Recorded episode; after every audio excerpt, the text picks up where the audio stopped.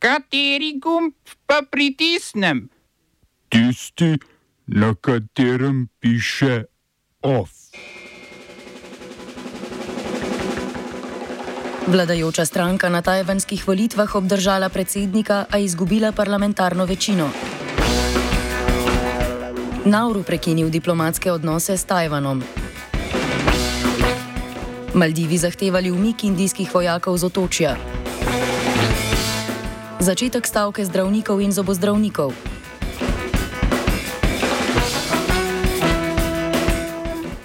Zmagovalec predsedniških volitev na Tajvanu je Lai Ching-te, kandidat vladajoče demokratske napredne stranke, krajše DPP. Lai, ki je bil favorit že pred volitvami, je zmagal z nekaj več kot 40 odstotki glasov. Nasledil je predsednico Tsai Ing-wen iz njegove stranke, ki ni mogla več kandidirati zaradi dveh zaporednih mandatov. Drugo mesto je osvojil kandidat iz opozicijske stranke Kuomintang Hou Yu-ji, ki je dosegel 33 odstotkov glasov. Sledi mu kandidat tajvanske ljudske stranke Ko Wen-dž s približno 26 odstotno podporo. Voljivci so poleg novega predsednika volili poslance v novem sklicu parlamenta. Čeprav je DPP zadržala predsedniško funkcijo, je izgubila večino v parlamentu. Kuomintang je dobil sedež več od vladajoče stranke, o vladajoči koaliciji pa bo odločala tretja uvrščena ljudska stranka. Laj in vladajoča stranka sta kampanjo gradila na nasprotovanju Ljudski republiki Kitajski, ki ima po mednarodnem pravu suverenost nad otokom. Po mnenju sinologa Luke Furjana bo morala stranka DPP svoj politični program zasnovati širše od nasprotovanja Kitajski. Videti je, da, eh, da bo moral DPP delati več na nekih tudi drugih podobah, ne, ne samo na identiteti stranke, ki je a priori v bistvu proti Kitajski. Ne.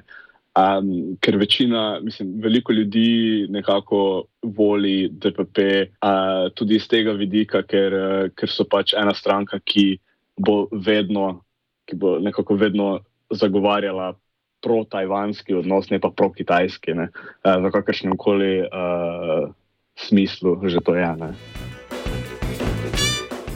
Ameriški predsednik Joe Biden je na Tajvan poslal neformalno delegacijo s čestitkami, izjavil pa je, da američani ne podpirajo tajvanske neodvisnosti. Več o volitvah na Tajvanu v offsajdu ob 17.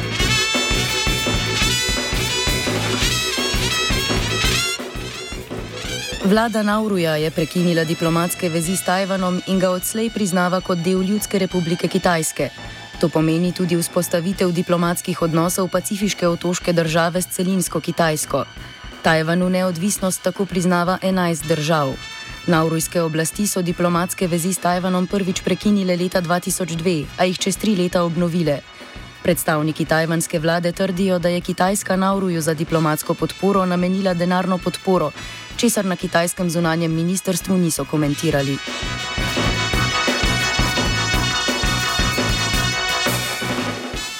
Maldivski predsednik Mohamed Muicu je indijski vojski postavil dvomesečni rok za umik z otočja.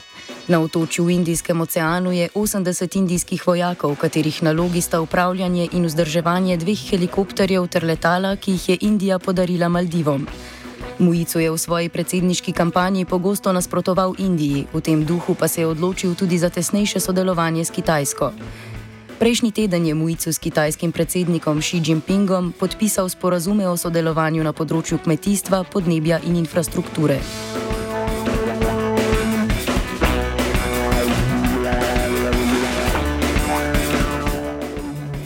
Turška vojska je izvedla zračne napade v Siriji in Iraku, kjer so se po njenih informacijah nahajali člani delavske stranke Kurdistana, krajše PKK in sirske kurdske milice JPG. V napadih so turške sile na 29 lokacijah bombardirale jame, bunkerje in zaklonišča, ter pri tem ubile vsaj 45 kurdov. Po informacijah rožavskih medijev je turška vojska zbombardirala tudi električno in naftno infrastrukturo. Turčija bombardiranje, bombardiranje opravičuje kot povračilni ukrep za napad borcev PKK na turško vojaško oporišče na severu Iraka, v katerem naj bi ubili devet turških vojakov. Turška policija je ob tem zaradi suma povezanosti s PKK, ki jo je prav tako kot JPG turške oblasti obravnavajo kot teroristično organizacijo, aretirala 113 oseb. Predsednik Recep Tayyip Erdogan je sporočil, da bo turška vojska podobne operacije v Siriji in Iraku nadaljevala.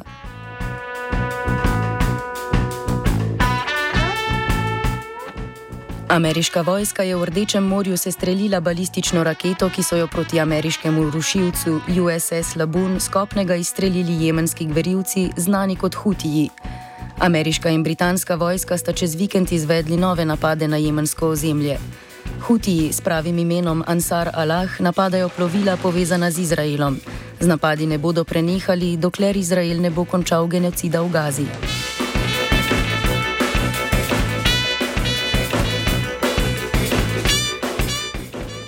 Izraelska vojska je čez noč izvedla zračne napade na celotnem območju okupirane Gaze. Najhuje je v osrednjem delu enklave, kjer so izraelske sile zbombardirale begunska taborišča Be Burejč, Magazi in Nusejrat. Bombardirale so tudi okolico bolnišnice Al-Aqsa, ki je ostala brez goriva. Izraelski premijer Benjamin Netanjahu je dejal, da bo Izrael nadaljeval svojo vojno proti Hamasu, pri čemer jih ne bo ustavil nihče, niti med državno sodišče v Hagu. Urad izraelske vlade za usklajevanje vladnih dejavnosti je sporočil, da je Izrael v nedeljo dovolil, dovolil vstop 237 tovornjakom s humanitarno pomočjo v enklavo. Pred začetkom popolne blokade, ki jo je Izrael uvedel na območju Gaze, je v enklavo dnevno vstopilo okoli 500 tovornjakov. Izraelske sile so izvedle tudi več racij na območju okupiranega Zahodnega brega. Oboroženi izraelski naseljenci so udrli v vas Burin v osrednjem delu območja in napadli civilno prebivalstvo.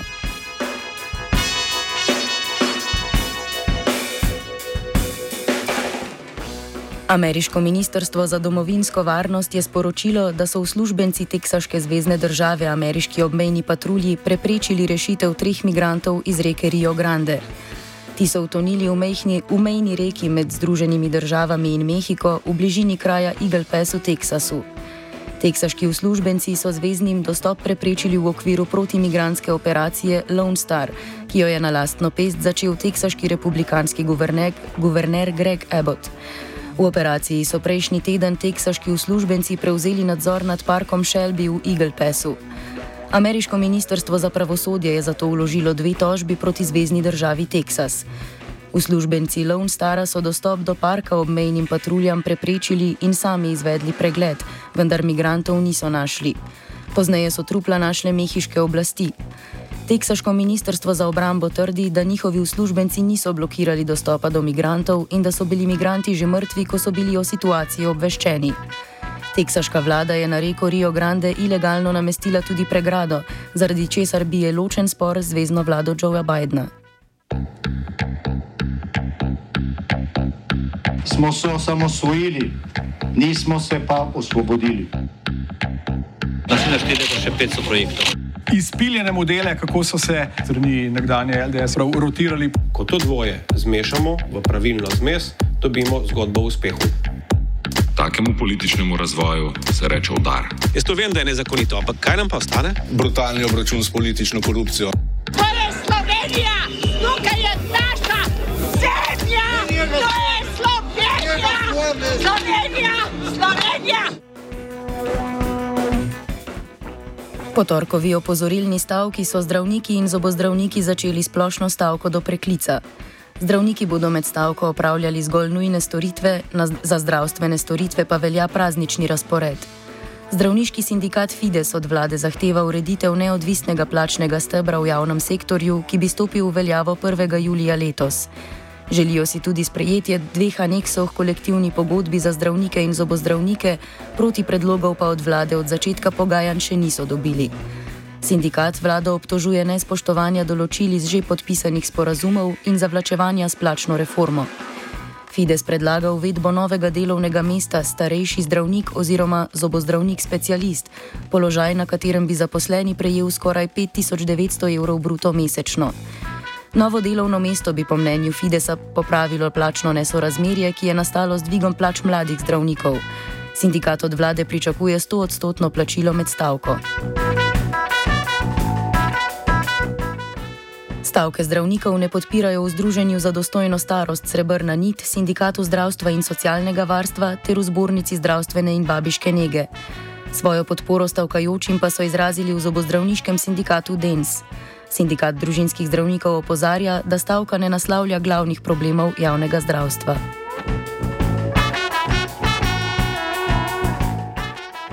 Ovsta pripravila vajenec Tim in Tija.